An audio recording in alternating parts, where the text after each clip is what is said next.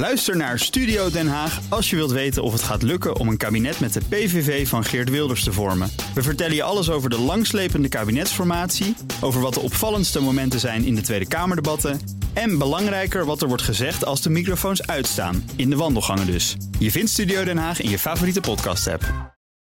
De column van Bernard Hammelburg. Is de NAVO zonder Amerika sterk genoeg om een Russische aanval te weerstaan? Na de inval in Oekraïne verdween die vraag naar de achtergrond omdat Amerika zijn rol als leider van het Vrije Westen zonder aarzeling opnam. Of beter gezegd, terugnam. Want tijdens Trump was de eenheid onder de bondgenoten stevig afgebrokkeld. Nu wordt de vraag opnieuw actueel: wat doen we als de Russische dreiging aanhoudt en het Amerika van Trump 2 zich van ons distancieert. Westerse regeringen proberen bij die vraag zoveel mogelijk weg te duiken.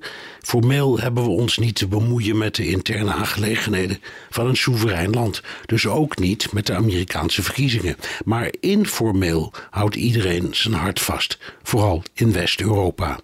Trumps populariteit groeit recht evenredig met het aantal tegen hem aangespannen rechtszaken. De voorsprong op zijn rivalen ligt rond de 40 procent. Zijn volgelingen zijn ervan overtuigd dat hij het slachtoffer is van een heksenjacht onder supervisie van Joe Biden, die bij gebrek aan politiek gewicht zijn tegenstander probeert via een corrupt rechtssysteem het zwijgen op te leggen. Op het totale electoraat is de aanhang van Trump een minderheid en de Democraten gokken erop dat Joe Biden hem opnieuw kan verslaan.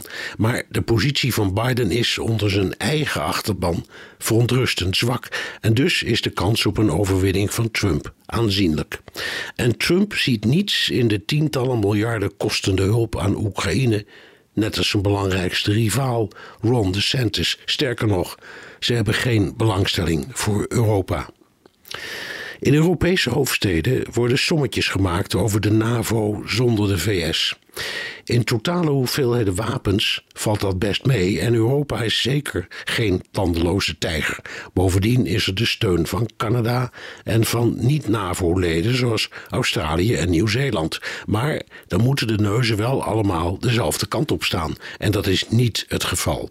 Het is niet voor niets dat de NAVO Oekraïne niet als blok steunt, maar levering van geld en wapens overlaat aan de individuele lidstaten. De Centraal-Europese landen hebben veel minder moeite met Trump dan het Westen. En daar zit het grootste probleem. Europa is simpelweg geen blok. Zoals Andreas Kloet van Bloomberg het formuleert. De EU blijft een confederatie die de schijn ophoudt een federatie te zijn. Dat geldt voor de NAVO evenzeer. Dat is een oppermachtig blok zolang de Amerikaanse president aan de knoppen zit. Als die niet aan de knoppen wenst te zitten, zijn we griezelig kwetsbaar. Dat gevaar wijkt niet door erover te zwijgen.